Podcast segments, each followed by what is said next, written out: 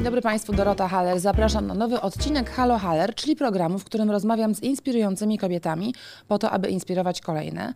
Dzisiaj moją gościnią jest Klaudia Duszyńska, twórczyni Hollywood Hair, e, stylistka fryzur, trycholożka i przedsiębiorczyni. Cześć Klaudia, dzień dobry. Cześć Dorota, witam Cię. E, Twoja historia jest dość niezwykła, mianowicie e, z osoby, która tworzyła fryzury, przedłużała ludziom włosy, stworzyłaś gigantyczne przedsiębiorstwo, e, markę znaną właściwie na całą Polskę i zmieniłaś trochę zachowania kobiet, jeżeli chodzi o przedłużanie włosów. Skąd w ogóle pomysł powstał na, na Hollywood Hair? Jak zaczynałam swój biznes, y, miałam y, taki problem, bo nie miałam gdzie przedłużyć tych włosów sobie przede wszystkim. Y, Szukałam, próbowałam, nie było takiego miejsca, Aha. tak myślę wtedy w Polsce, żeby te włosy były zrobione na tyle dyskretnie, na tyle naturalnie, żeby nie widać było, że są przedłużone. Aha. Tak samo jeśli chodzi o jakość włosów, więc ja w tym czasie też miałam swoją pierwszą firmę odzieżową, gdzie produkowałam ubrania, szyłam i miałam też kilka sklepów w Polsce. Mm, W tym samym czasie właśnie przyszedł pomysł na przedłużanie włosów. Kiedy okazało się, że po moim researchu nie mam gdzie zrobić tych włosów, już e, wszystko sprawdziłam, mm, e, wtedy padł pomysł właśnie, że może takie miejsce powinno powstać i powinnam je otworzyć. Czyli potrzeba matką wynalazków. Po Dokładnie, prostu. dokładnie. Miałaś- ale byłaś już fryzjerką, tak? Już w tej, wtedy umiałaś e, robić ludziom, e, doczepiać włosy i, i, i po prostu wykonywać ten zawód, czy nie? Co ciekawe, nie byłam fryzjerką, nie Aha. miałam takiego wykształcenia. Aha. Miałam może zdolności, zawsze robiłam znajomym włosy sobie. E, Czyli lubiłaś to robić? Lubiłam, tak, to było moje hobby powiedzmy, e, więc nie było dla mnie problemem e, zrobienie kolejnego researchu, wyszukanie, gdzie takie włosy najlepiej zrobić, Mhm. W jakich krajach e, te włosy są robione perfekcyjnie Mhm. i padło na Białoruś na tamten czas. Ach tak? Tak. Dobra, czyli zrobiłaś taki e, research internetowy i padło, że na Białorusi są najpiękniejsze włosy, czy najlepiej są robione? To jest dla mnie zaskakujące. Tak, na Białorusi w tamtym czasie było sporo takich mistrzów przedłużania włosów. Do tej pory to się tak tam nazywa, mistrz przedłużania włosów, gdzie e, robili po prostu perfekcyjnie. Czegoś takiego nie widziałam. Piękne, malutkie łączenia dyskretne, włosy naturalne, powiewające na wietrze. No, czegoś takiego to ja nie widziałam i to była moja taka duża inspiracja. E, więc e, Kolejnym krokiem było umówienie się na szkolenia właśnie w Białorusi i tam poleciałam nauczyć się tego zawodu. Ach, czyli dobra, wymyśliłaś to sobie, znalazłaś najlepsze miejsce na świecie, e, poleciałaś i tam się nauczyłaś, tak? Tak, dokładnie. Niesamowite. W bardzo młodym wieku, ile miałaś lat, kiedy założyłaś E, ten Miałam, biznes? e, miałam wtedy 24 lata. 24. No tak, taki wiek dobry na, na, na taki startup. To jest imponujące, jak z potrzeby własnej fryzury stworzyłaś biznes. W tej chwili macie 12 salonów, otwieracie dwa e, kolejne. Y, Czy Polki potrzebują sobie doczepiać włosy? E, Tak, jak najbardziej. Na początku gdzieś tam jeszcze były takie wahania, czy to jest wstyd, czy to No wypada. właśnie. w pewnym wieku na przykład dużo kobiet się krępowało przedłużać włosy i był to taki temat tabu w Polsce. E, Myślę, że, to, że dzięki temu, że zaczęłam pokazywać też na Instagramie te metamorfozy przed po, pokazywać jak to wygląda od środka, jak wyglądają łączenia, że to rzeczywiście może być niewidoczne, że ten włos jest super, że jest dużo pozytywnych opinii o naszej metodzie.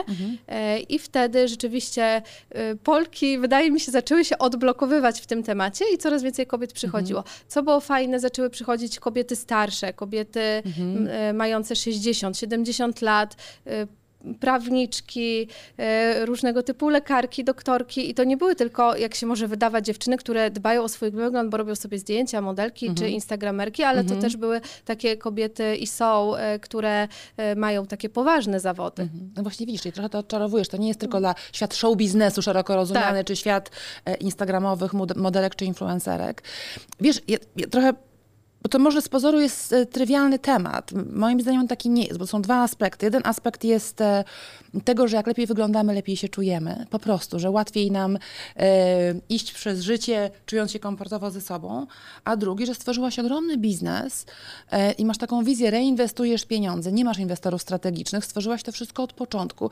Powiedz o swoich początkach, otworzyłaś pierwszy salon, później drugi. Jak to szło i czy zamierzasz na przykład sprzedać Hollywood Hair, e, skaszować, wybaczcie Państwo kolokwializm, żyć mm, sobie komfortowo dalej? Tak, może odpowiem od początku. Pierwszy mhm. salon to było takie jeszcze badanie rynku, czy to w ogóle się sprzeda, czy będziemy mieć klientki, mhm. więc e, nie chciałam za, e, za, bardzo inwestować w takie miejsce. Rozsądnie, tak. Tak, tak. Wynajęłam małe mieszkanie w kamienicy, to było 20 5 metrów, dokładnie nie pamiętam, bardzo malutkie na Wilczej w kamienicy yy, i tam powstały pierwsze dwa stanowiska. Mhm. na początku ja sama przedłużałam włosy, zatrudniłam asystentkę, mhm. ale z czasem tych klientek było coraz więcej, więc y, terminy były miesiąc, dwa miesiące, tyle klientki musiały oczekiwać, więc y, musiałam coraz więcej osób zatrudniać, uczyć sama osobiście, bo tego zawodu nie można się nauczyć w szkole, tej techniki nie można się nauczyć w szkole. Ale ja... dlaczego? No są przecież szkoły fryzjerskie, wiesz, no to jest, to jest technika, powiedziałabym, jak każda inna. Oczywiście nie, ja rozumiem, że są mistrzowie Białorusi, o czym mówiłaś, ale Dlaczego tego się nie uczy? Ja myślę, że można śmiało już wyodrębnić ten zawód, bo to nie jest e, stylista przedłużania włosów, to nie jest to samo co fryzjer. Okay. Czyli fryzjer nie musi potrafić przedłużać włosy, a stylista przedłużania włosów nie musi być fryzjerem. To są już dwa odrębne zawody. No tak, ale też to jest kwestia farbowania, czyli mały chemik, ja bym powiedziała, wiesz, strzyżenia, czyli to jest no, pochodna, czy, czy część tego zawodu. Tak, to jest część zawodu, ale od tego na przykład u nas w firmie mamy też osoby dedykowane, tak? Czyli A, mamy rozumiem. fryzjerów Dobra. dodatkowo. Mhm. Rozumiem. No dobra, i potem co? To ta kamienica mała, ty z asystentką, ale tych klientek, tabuny przychodzą, biznes się kręci, już nie dajesz rady, zatrudniasz kolejnych i jak to podaje Tak, poszło? tak, rzeczywiście tak było i z biegiem czasu im więcej pokazywaliśmy w social media tych metamorfoz, y, mhm. tego jak wygląda ta praca, jak my pracujemy, jak wyglądają kapsułki, zrobił się taki efekt kuli śnieżnej, mhm. bo y, przychodziły do nas stare klientki, ale też y, przychodziły nowe, więc mhm. mieliśmy nie lada problem do rozwiązania, jak to ugryźć i okazało się, że kolejnym etapem będzie chcąc, nie chcąc, e, otwarcie kolejnego miejsca. Mhm. A myślałeś, że to będzie taka kula, która się tak rozpędzi jak dzisiaj? Macie też salon w Hiszpanii, więc to już ekspansja międzynarodowa idzie.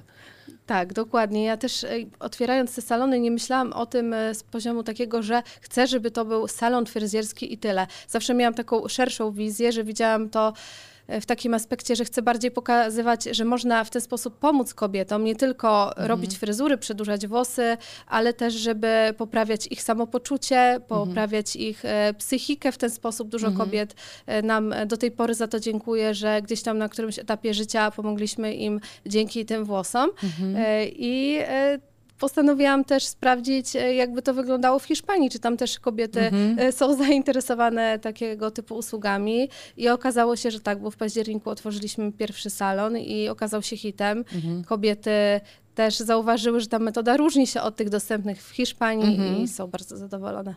Czyli trochę stworzyłaś coś nowego, czyli metodę, która jest inna od wszystkich.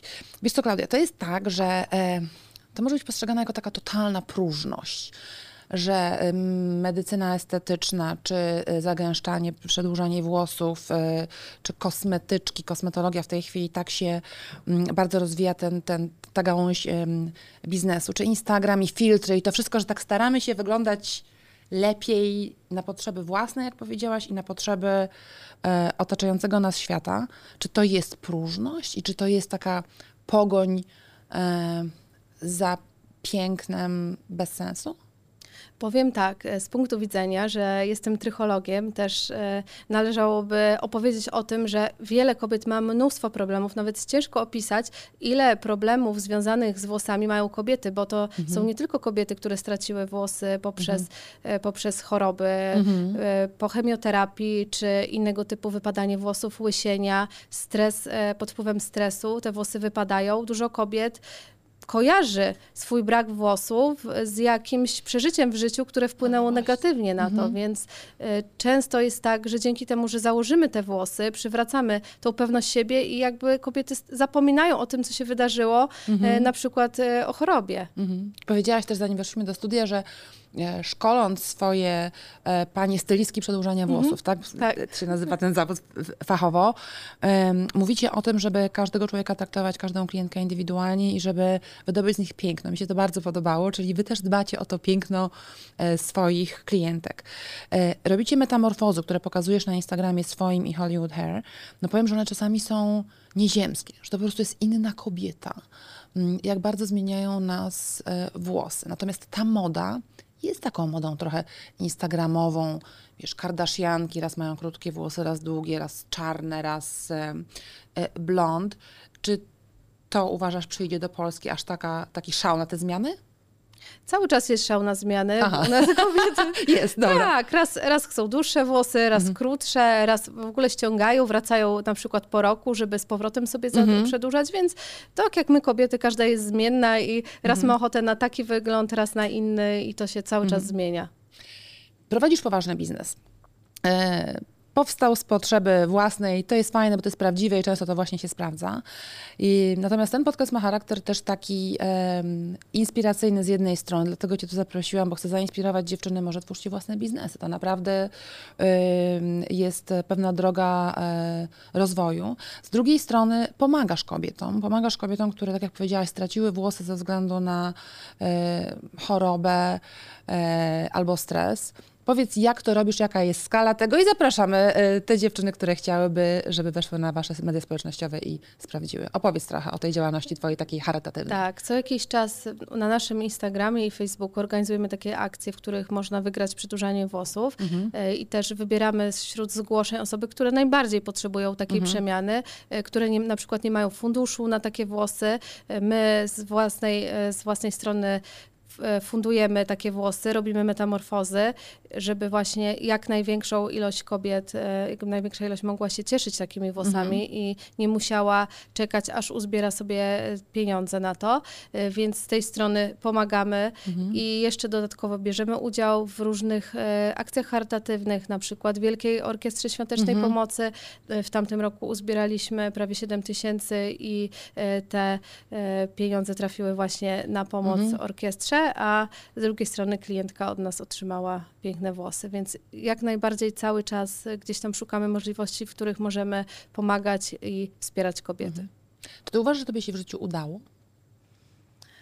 Myślę, że tak. Myślę, że mi się udało, ale też nie udało się tak po prostu, tylko musiałam naprawdę się napracować. I tak jak wcześniej wspomniałam, też sama pracowałam w salonie. To nie jest tak, że sobie otworzyłam salony i gdzieś tam obserwuję z daleka i pokazuję palcem, co kto ma robić, ale też e, sama przedłużam włosy, sama to potrafię robić, e, sama się cały czas kształcę, żeby jeszcze lepiej przekazywać wiedzę moim pracownikom, żeby jak najlepiej e, to robili tak, jak ja bym sama obsłużyła tą klientkę. A jakie masz plany teraz rozwoju na przyszłość najbliższą? Kolejne plany to ekspansja. Otwieramy coraz więcej miejsc. Chcemy, żeby usługi były dostępne e, dla każdej Polki w największych miastach, ale też ekspansja zagraniczna. E, Więc tutaj szukamy już miejsc, w których zostaną otwarte nowe salony w przyszłym roku i czekamy, zobaczymy, co będzie dalej. Nie jesteś zmęczona czasami? Wiesz, to prowadzisz duży biznes, to zatrudniasz, proszę Państwa, prawie 100 osób, tak? 100 osób. Tak, tak. To jest już taki zespół, y, wiesz, no to już jest takie zarządzanie przedsiębiorstwem zatrudniającym 100 osób. To jest duża firma.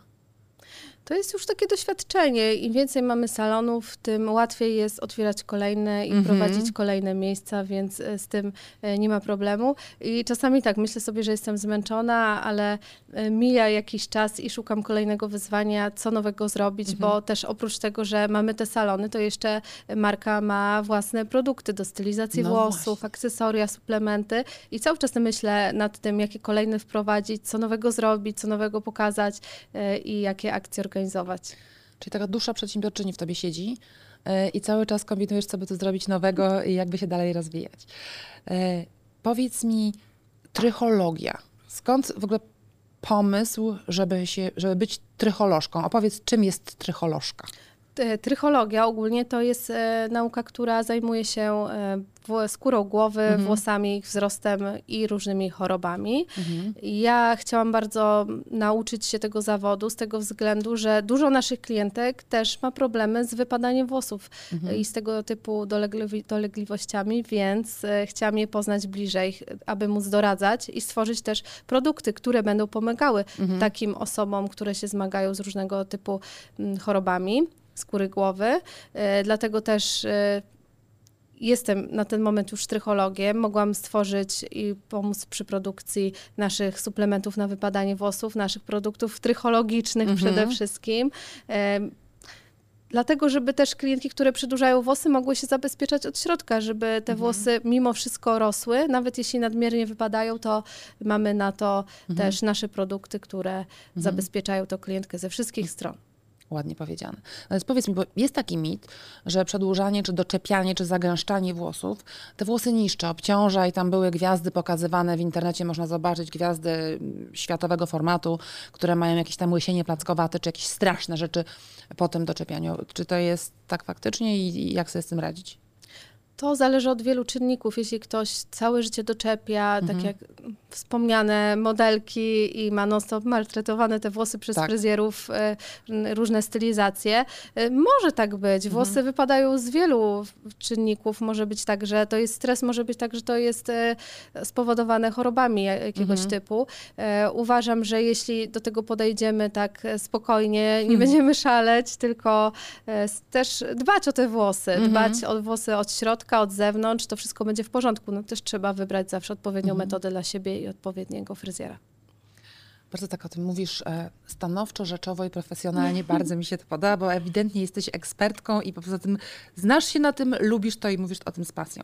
Klaudia, stworzyłaś potężną społeczność na Instagramie. To w ogóle aż niebywałe. 451 tysięcy dzisiaj, jak Państwo będą to oglądać, być może będzie już więcej osób.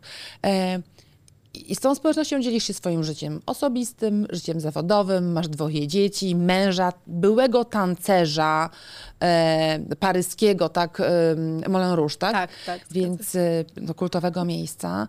Jak się buduje i dba o taką społeczność, powiedz?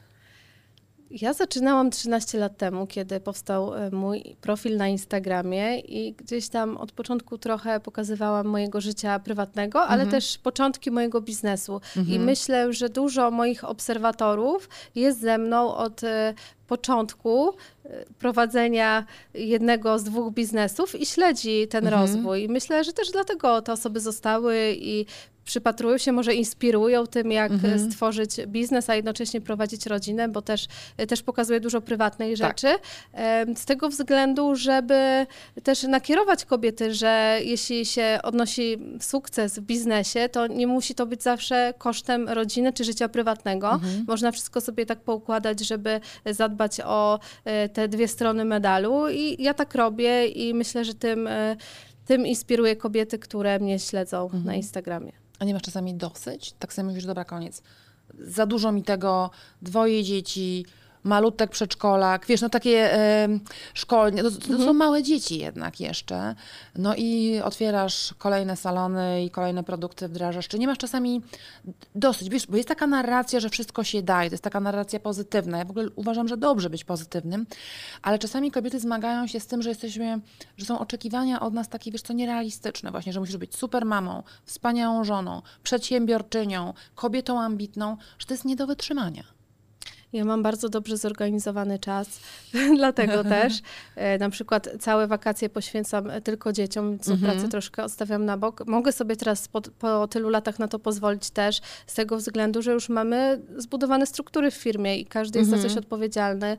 Ja podejmuję już takie, mm, powiedzmy, odgórne decyzje, mhm. kiedy właśnie jestem gdzieś tam poza firmą. Mhm. E, dlatego, też, e, dlatego też sobie z tym radzę w taki sposób, że mam menadżerów, którzy E, kierują firmą, mhm. a ja mogę też poświęcać coraz więcej czasu rodzinie. No ale zanim do tego doszłaś, budowałaś firmę.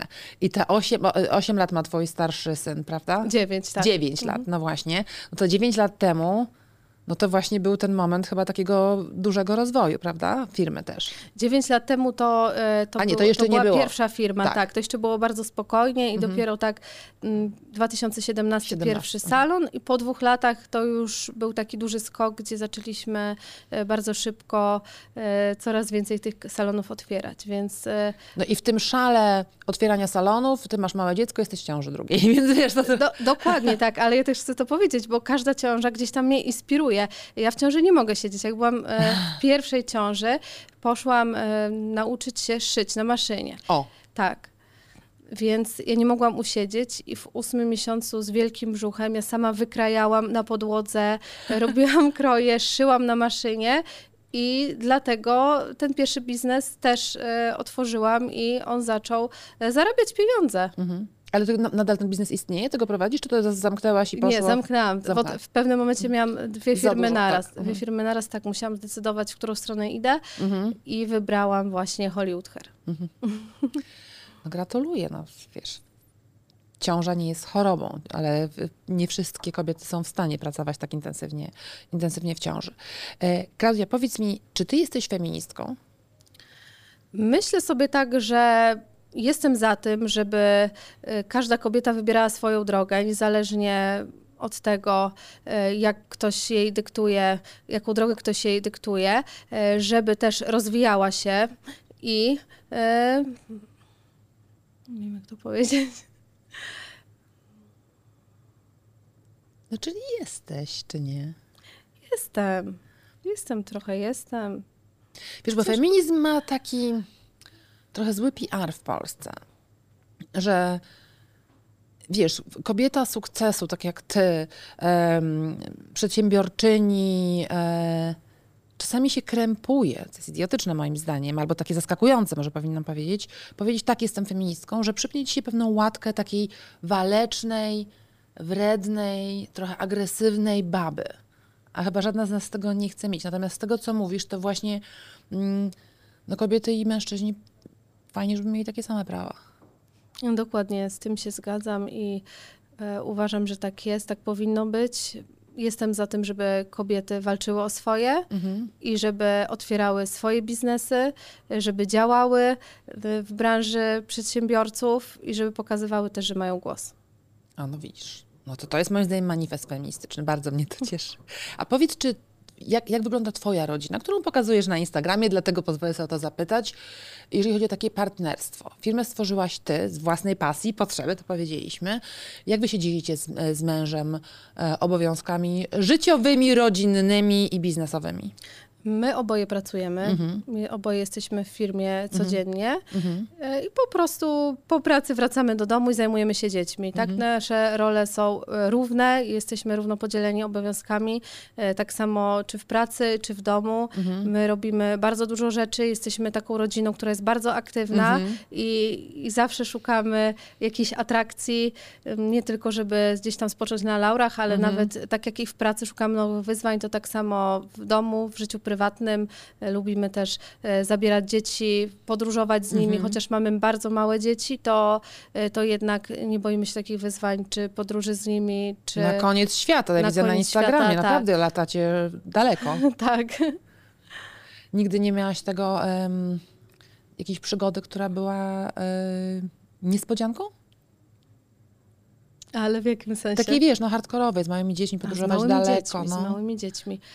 Y, Myślę, że nie miałam. Zawsze sobie radzimy. Mój mąż jest taki bardzo ogarnięty Mhm. w podróżach, ma duże w tym doświadczenie, więc on sobie z takimi problematycznymi sytuacjami radzi, Mhm. ale nie mieliśmy nigdy. No to wspaniale. To jest, wiesz, też pokazujesz innym kobietom, że można zapakować dzieci pod pachę i pojechać albo samochodem w Bieszczady, albo samolotem na koniec świata, to w zależności od preferencji, możliwości. Natomiast, że dzieci nie, nie, niekoniecznie muszą być takim ograniczeniem, prawda? Można im pokazywać świat od małego. O tym feminizmie powiedziałaś, że e, no moja interpretacja jest taka, że, że, że głos kobiet jest ważny. E, jesteś zjawiskowo piękną kobietą. E, czy kiedykolwiek do, dotknęła cię jakaś dyskryminacja ze względu na, na swój wygląd i na swój wiek młody, kiedy zaczynałaś biznes? Myślę, że były takie sytuacje. Zawsze, kiedy miałam jakieś spotkanie biznesowe, też, też staram się. Mm, wyglądać gorzej niż mogę, o, może tak powiem. dobre, ale Tak. zobacz, to jest ciekawe, czyli starasz się wyglądać gorzej Tak, po to, żeby być skuteczniejszą w biznesie. dokładnie, żeby też nie być postrzeganą, że jestem młoda, że jestem blondynką, że wyglądam tak, jak wyglądam, więc e, wolę tak się pokazać bardziej od strony, jaka jestem i co mam do powiedzenia, aniżeli e, kierować się tym wyglądem i e, nie wiadomo jak szykować. Mhm. Ale masz jakiś taki, taki przykład, którym mogłabyś się z nami podzielić, gdy sobie pomyślałaś, no kurczę, no. Jeżeli nie, to wspaniale. To znaczy, że, że, że świat jednak nie dyskryminuje tak bardzo, albo że nie ma takich Tak, stereotypów. staram się na to nie zwracać tak uwagi, jakby iść i robić swoje, więc e, może zdarzały się takie sytuacje, które gdzieś tam nie utkwiły w pamięci. Mhm. Na pewno były, ale tak nie jestem w stanie przytoczyć konkretnie. No dobrze, no to wspaniale, czyli aż cię tak, Tak, nie dotknęły tak. bardzo, żeby, żeby o nich pamiętać.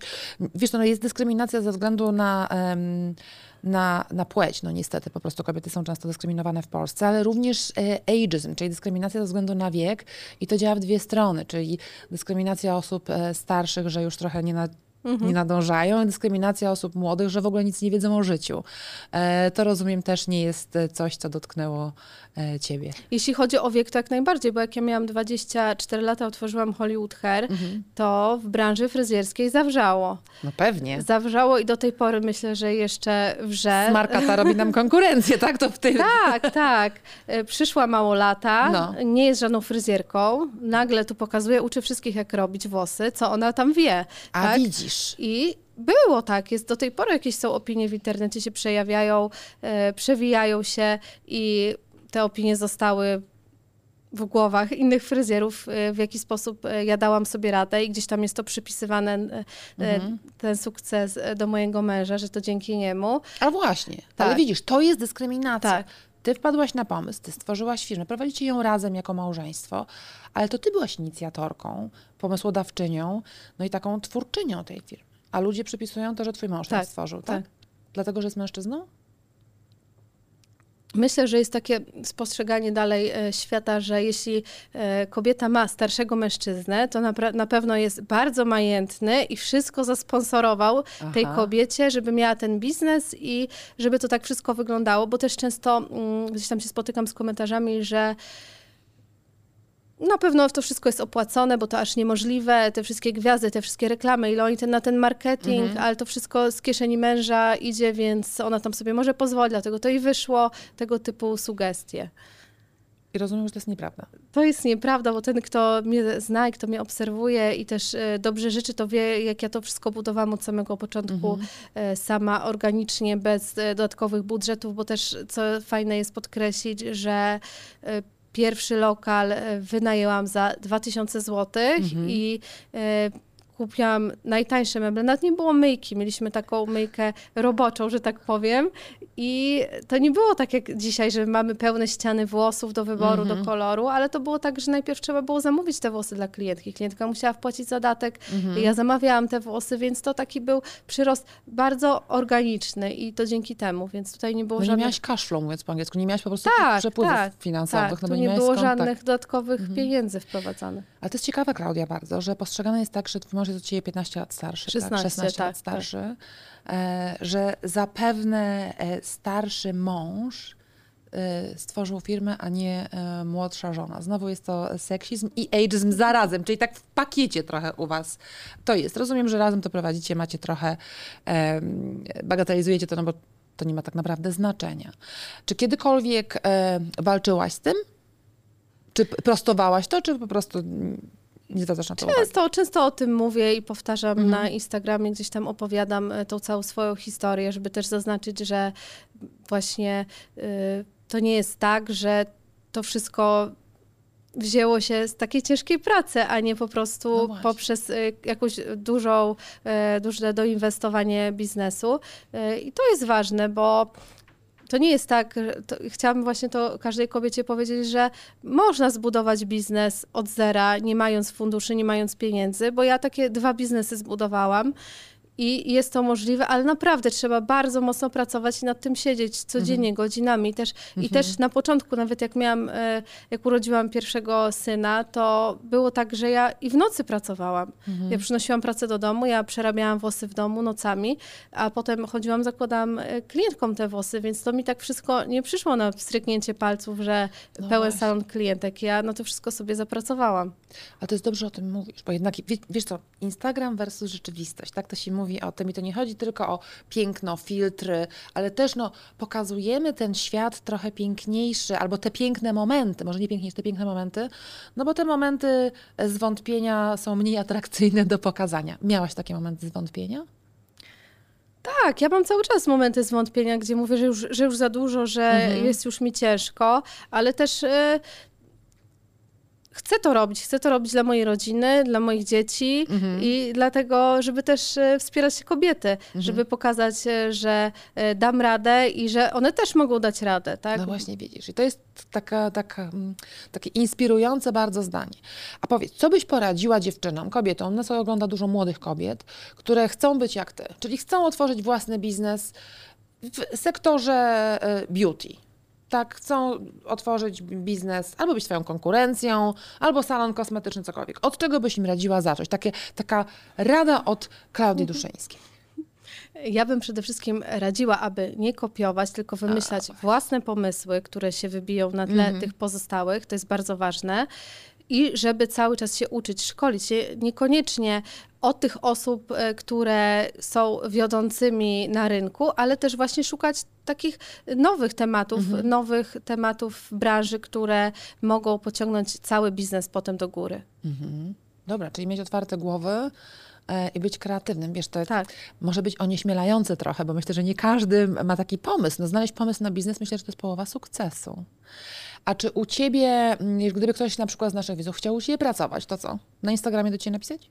Na Instagramie my mamy cały czas otwartą rekrutację, Mhm. cały czas szukamy talentów i y, to jest też dobre pod takim względem, że przedłużanie włosów nie można się nauczyć nigdzie indziej lepiej niż u nas, bo my mamy własny system szkoleń, my szkolimy własnych pracowników Mhm. i nie szkolimy osób z zewnątrz, czyli ca, ta cała wiedza zostaje w Hollywood Hair, a jeśli ktoś zdecyduje się u nas pracować, to zdobędzie niesamowite doświadczenie i y, wiedzę, jakiej nie nauczy się w żadnej szkole. No, Takie małe rekrutacyjne ogłoszenie, proszę Państwa, zrobiliśmy. Aplikujcie do, e, do Hollywood Hair. Mm, Wiesz co, taki świat y, fryzjerstwa, tego wielkiego fryzjerstwa, e, no to wydawałoby się, że to jest, wiesz, Paryż, Mediolan, Nowy Jork, e, a ten świat e, zagęszczania, przedłużania włosów, inna, inna to jest technika.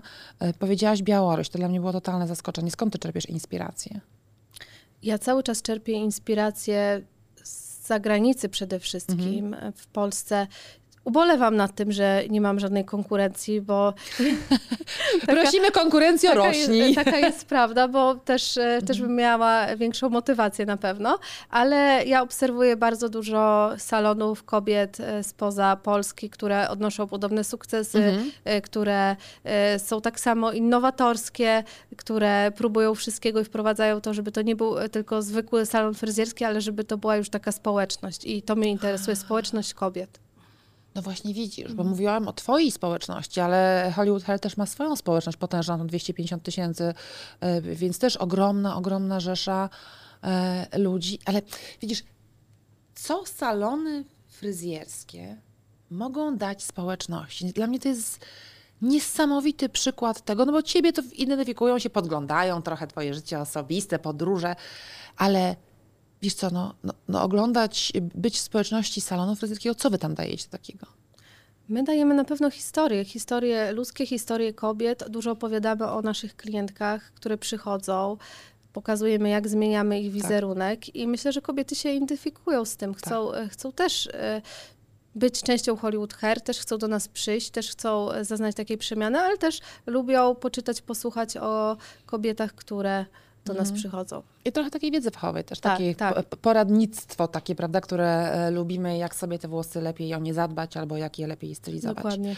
Natomiast em, wiesz, bo tak mówimy trochę o twojej działalności społecznej, o Wielkiej Orkiestrze Świątecznej Pomocy, o pomocy kobietom, które y, tracą włosy z przyczyn medycznych, natomiast wy jesteście chyba potwornie drodzy. To jest w ogóle droga usługa. Ja tego nie sprawdziłam, od razu mówię, ale to jest, y, można powiedzieć, y, luksus. Y, Czy tobie to zarzucają ludzie, że jest to luksus, albo jaki jest twój stosunek do tego, że jest to luksus? To może się tak wydawać, e, jeśli się spojrzy na tą cenę pierwszych włosów, tak? Włosy Mhm. są drogie, umówmy się, bo to są włosy naturalne, cięte z głowy. My też swój skup e, prowadzimy, gdzie kobiety przynoszą nam swoje włosy, my ścinamy na miejscu. Ach, czyli jak Tak. ktoś ma bardzo długie włosy, Tak. To może je po prostu wam sprzedać, tak? tak, tak, tak. I te włosy też dlatego są takie drogie, ale e, ta usługa się rozkłada na kilka miesięcy, więc potem nie płaci się już za włosy, tylko za samą, za samą usługę podciągania tych włosów, za sam, że tak powiem, serwis. E, Więc w takim ogólnym rozrachunku e, są to kwoty, które, na które wiele kobiet stać po prostu. No ewidentnie, inaczej byście tak nie rośli. E, Więc nie uważasz, że jest to luksus? Z jednej strony tak, z jednej strony nie. Czy generalnie dbanie o siebie Tak, jest luksusem? Myślę, niezależnie od tego, czy są to e, włosy, czy inne e, usługi. A myślałaś o tym, żeby rozszerzyć swoją działalność na inne usługi z sektora beauty? Ja zawsze od samego początku chciałam, żebyśmy się specjalizowali tylko w jednej metodzie. Byli ekspertami w jednej metodzie i to, jak widać, się opłaciło, bo jeśli jesteśmy skupieni na e, jednym fachu, to wtedy bardzo dobrze to wykonujemy i cały czas potrafimy utrzymać tą jakość przede wszystkim. Tak, czyli być po prostu najlepszym w swoim fachu i nie rozdrabniać się Tak. e, na szereg innych rzeczy. Klaudia, trudno jest radzić sobie z przeciwnościami losu, bo tak trochę wyglądasz jak e, kobieta, która jest w szczepku urodzona, wszystko ci poszło gładko, ale tak jak mówiłaś, to jest dużo pracy, a ponadto mm, urodziłaś synka z niepełnosprawnością. Opowiedz proszę trochę o tym, jak to jest e, być mamą chłopca z niepełnosprawnością, prowadzić biznes i jak mieć taką siłę w sobie i skąd motywacja, żeby się wtedy nie poddać, tylko walczyć. Jak e, byłam w ciąży i dowiedziałam się, że jest e, problem i że dziecko będzie chore, to był to szok, tak? Bo nie wiedziałam, co się dalej wydarzy i każdy gdzieś tam mówi coś innego, że będzie tak, czy będzie tak. Nie było wiadomo do końca. Starałam się już sobie w głowie gdzieś tam ustawić, że będzie ok, że damy radę i żeby jeszcze się tak nie poddawać na początku. W tym czasie chodziłam do szkoły, uczyłam się szycia na maszynie i tak jak wspomniałam, z dużym brzuchem wykrajałam, to właśnie byłam Tak. e, w ciąży z Adasiem. Czy z pierwszym synkiem? Tak, i e, jak się urodził, to już mi zaczął biznes powoli hulać, tak? Ale po urodzeniu okazało się, no, że jest duży problem, tak? Że syn ma wrodzoną możliwość kości i e, nie wiadomo, co będzie, nie wiadomo, czy przeżyje, nie wiadomo, co mamy robić, nikt nic nie wie. Lekarze nas odsyłają wszędzie i w ogóle miesiąc w inkubatorze, czekajcie, nie wiadomo. E, To było coś strasznego i no, nie wiedziałam, co będzie. Więc y, no jedno było pewne, że, że jest choroba, z którą trzeba sobie poradzić i trzeba szukać y, rozwiązań tej choroby, żeby jak najszybciej dziecku pomóc. Y, Więc no, dla mnie to było oczywiste, że też nie mogę przestać pracować i rzucić się w płacz czy cokolwiek. Wiedziałam, że muszę firmę pociągnąć. Wtedy to miałam odzieżową firmę. Mm, Mąż też pracował gdzie indziej, więc y, y, oboje pracowaliśmy. I to był dla mnie taki kopniak w tyłek, że ja muszę coś zrobić, bo ja nie wiem, czy y, okaże się, że za kilka lat będzie możliwość taka, że jest jakaś terapia, która y, całkowicie wykluczy tą chorobę genetyczną, którą ma syn i będzie kosztowała kilka milionów, a ja nie będę miała pieniędzy i będę zbierała i to będzie wszystko zależało od tego, czy ja te pieniądze zdobędę, y, życie mojego dziecka, więc wiedziałam, miałam taką motywację, że ja muszę wziąć się do roboty, że ja muszę biznes otworzyć, bo ja nie mogę iść do normalnej pracy, bo y, ja muszę być przygotowana na wszystko wtedy. I tak zrobiłam, więc potem, potem to tylko szukaliśmy jak najlepszych lekarzy, y, jak najlepszych y, terapii. Y, Bardzo szybko uważam, że w tej społeczności rodziców, dzieci, którzy są e, chorzy na wrodzoną łamliwość kości, e, ja mogę e, śmiało powiedzieć, że e, zrobiłam e, jak najwięcej, chyba najwięcej ze wszystkich rodziców, które, których znam, e, dla dziecka, że już po dwóch latach on był postawiony, może nie na nogi, ale miał już wszystkie operacje za sobą. Powiem Ci, że to jest tak imponujące, że nawet nie, nie wiem, jak zareagować. Czyli jesteś w zaawansowanej ciąży, wiesz już, że syn ma kłopot zdrowotny I ty tworzysz biznes myśląc, że musisz zarobić pieniądze, żeby pomóc własnemu dziecku lub ewentualnie je uratować. To siła e, twoja jest naprawdę niezwykła jesteś, Klaudia. Ale to też jest niesamowite, bo jak byłam w tej ciąży, jeszcze nie wiedziałam o chorobie, to w telewizji zawsze takie reklamy lecą z dziećmi i tam akurat leciały te re- reklamy, gdzie był chłopak chory na tą samą chorobę i właśnie zbierali pieniądze, więc gdzieś tam to zawsze miałam w głowie, że, y, że chciałabym, żeby mnie było stać na jak najlepsze leczenie dla dziecka. Czyli zobacz, imperatyw twojego sukcesu to była pomoc swojemu dziecku, niekoniecznie chęć bogacenia się, w czym oczywiście nic złego nie ma. E, Gratuluję Ci serdecznie, to jest bardzo wzruszająca historia, naprawdę bardzo wzruszająca historia. Mm, A jak się czuje Adaś? Adaś się czuje dobrze, chodzi normalnie do szkoły, y, chodzi na własnych nogach po swojemu, ale y, jest samodzielny. Jest samodzielny i chodzi do szkoły z em, zdrowymi dziećmi, Tak, tak? chodzi ze zdrowymi dziećmi, ale to też, to też jest ciekawe, bo y, w prywatnych szkołach nie było takiej możliwości. W Warszawie, gdzie chcieliśmy, nie chcieli przyjąć dziecka z niepełnosprawnością. No widzisz, i to My jest właśnie znowu... walczyć o to. e, dyskryminacja. Tak. To znowu jest, e, mówimy o tej różnorodności. E, bardzo wiele instytucji, w tym edukacyjnych, ma różnorodność na sztandarach, po czym przychodzi e, chłopiec z niepełnosprawnością i co szkoły nie umieją sobie poradzić. Po prostu nie mają, nie wiem, infrastruktury na to, żeby Adaś mógł tam chodzić. Nawet nie, nawet y, strach przed nie innością. chcą. Strach, myślę, że to jest strach. Mhm. My długo walczyliśmy o szkoły, nigdzie się nie udało i Adam poszedł do pierwszej klasy do szkoły publicznej, Mhm. y, gdzie była bardziej przystosowana, ale zależało nam, żeby on jednak miał ten lepszy start, y, jeśli mm, chcieliśmy, żeby właśnie był przygotowany bardziej mentalnie do życia, aniżeli fizycznie i nam Mhm. zależało na bardzo dobrej szkole i nam się udało. Udało nam się pokazać pani dyrektor, że poradził sobie w szkole, która ma 800 dzieci, to Mhm. sobie poradzi w szkole, która ma e, 200 dzieci. Mhm. I radzi sobie. Radzi sobie i jest bardzo zadowolony z tej zmiany. A widzisz, no Tak. dobrze. Ale znowu, y, to jest siła Adasia oczywiście, ale też wasza, że nie poddaliście się, tylko powiedzieliście nie, tego chcemy dla naszego dziecka i do tego doprowadzimy, a ponadto no, udowodnienie pani dyrektor, że, y, że da radę. Myślę, że Teraz chodzi do szkoły, w której w ogóle nie ma dzieci niepełnosprawnych. On jest jedyny. mhm. Do tego doprowadzi, doprowadziliśmy. Jak on się z tym czuje i jak wy się z tym czujecie i jak inne dzieci się z tym My jesteśmy z tego dumni, że on Mhm. sobie radzi. My go wychowujemy w taki sposób, żeby był twardy, żeby się nie przejmował. On ma bardzo mocny charakter, y, jest y, duszą towarzystwa i on ma bardzo dużo kolegów. Nie, chcemy, nie chcieliśmy nigdy, żeby gdzieś tam ta jego choroba go zawstydzała, krępowała, żeby Tak, sobie oczywiście. siedział w ostatniej ławce i, i nie miał w ogóle znajomych.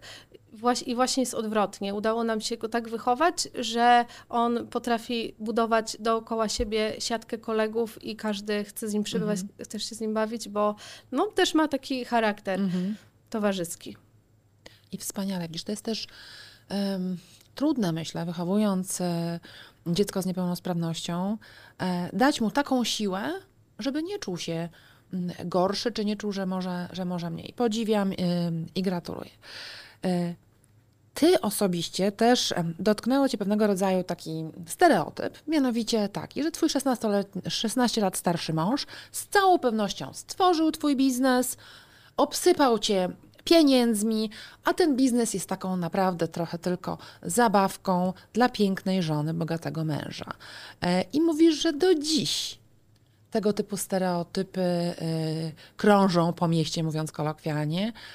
Dlaczego tak jest? I sprostuj proszę. Y, Myślę, że tak jest, bo media też to w jakiś sposób kreują czasami, że przychodzi jakaś kobieta, która ma bogatego męża i to jest już jak, taka układanka, że tak ludzie to kojarzą, e, bo starszy mężczyzna, bo ładna młodsza kobieta i taki jest stereotyp, tak? A e, w dużej części tak nie jest i właśnie jak, jak opowiadam historię, że jeszcze mamy chore dziecko, że e, nie jesteśmy oboje z bogatych rodzin, że wszystko, na wszystko sami zapracowaliśmy, to ja pokazuję i chcę to pokazywać cały czas, żeby Tak. jakby, żeby nikt sobie nie myślał, że mi ktoś dał, że ja tego sama nie zrobiłam, żeby mi umniejszać przez takie stereotypy i no dlatego tak e, uważam. E, Powiedz, e, jaki ty masz pomysł na to, co będzie za 10, 15, 20 lat? Czy w ogóle myślisz w takich kategoriach? Jeżeli chodzi o Twój biznes, czy Twój osobisty rozwój, co Cię interesuje w takiej perspektywie chwilkę dłuższej niż pojutrze? E, W e, chwilkę dłuższej. E, Pytałaś się na początku, czy rozglądamy się za jakimś inwestorem. A, no Tak, właśnie, tak. pominęłaś to. Rozglądacie się? Rozglądamy się nie tyle co za inwestorem, ale za partnerem, który Mhm. pomoże nam w tej globalnej już Ekspansji. ekspansji, tak, Mhm. żebyśmy mogli sobie poradzić na tej na arenie międzynarodowej i tą naszą markę rozpromować szerzej. I to Mhm. jest teraz e, dla mnie najważniejsze, co będzie w przyszłości. Chcę, żeby Hollywood Hair to nie była tylko polska marka, Mhm. żeby to była e, światowa znana marka. Okej, no czyli najważniejsze jest mieć cel. Później już tylko droga dojścia oczywiście jest trudna i pytałam o te załamania, czy, czy były, czy nie były. Natomiast e, twoim celem jest stworzyć światową markę. Dla mnie ciekawe jest to, że nazywacie się Hollywood Hair, a twoja inspiracja pochodziła z Białorusi, prawda? Także Tak, to jest tak. z pozoru amerykański świat, a tak naprawdę eksperci byli mm, bliżej w naszej strefie tutaj e, geograficznej. No dobrze, w takim razie ja Tobie życzę samych sukcesów, ekspansji na świat, e, równowagi między życiem zawodowym a życiem em, e, osobistym e, i wszystkiego dobrego. Rośnijcie w siłę i będziemy dumnie wspierać kolejną polską marką, która wejdzie e, na rynki światowe. Dziękuję. Dziękuję bardzo. E, Państwa i moją gościnią była Klaudia Duszyńska, twórczyni i szefowa Hollywood Hair, największej sieci salonów e, doczepiania, nie doczepiania, przedłużania Przedłużania. włosów w Polsce. E, Kobieta, która stworzyła siebie i swój biznes, e, czego i Państwu życzę.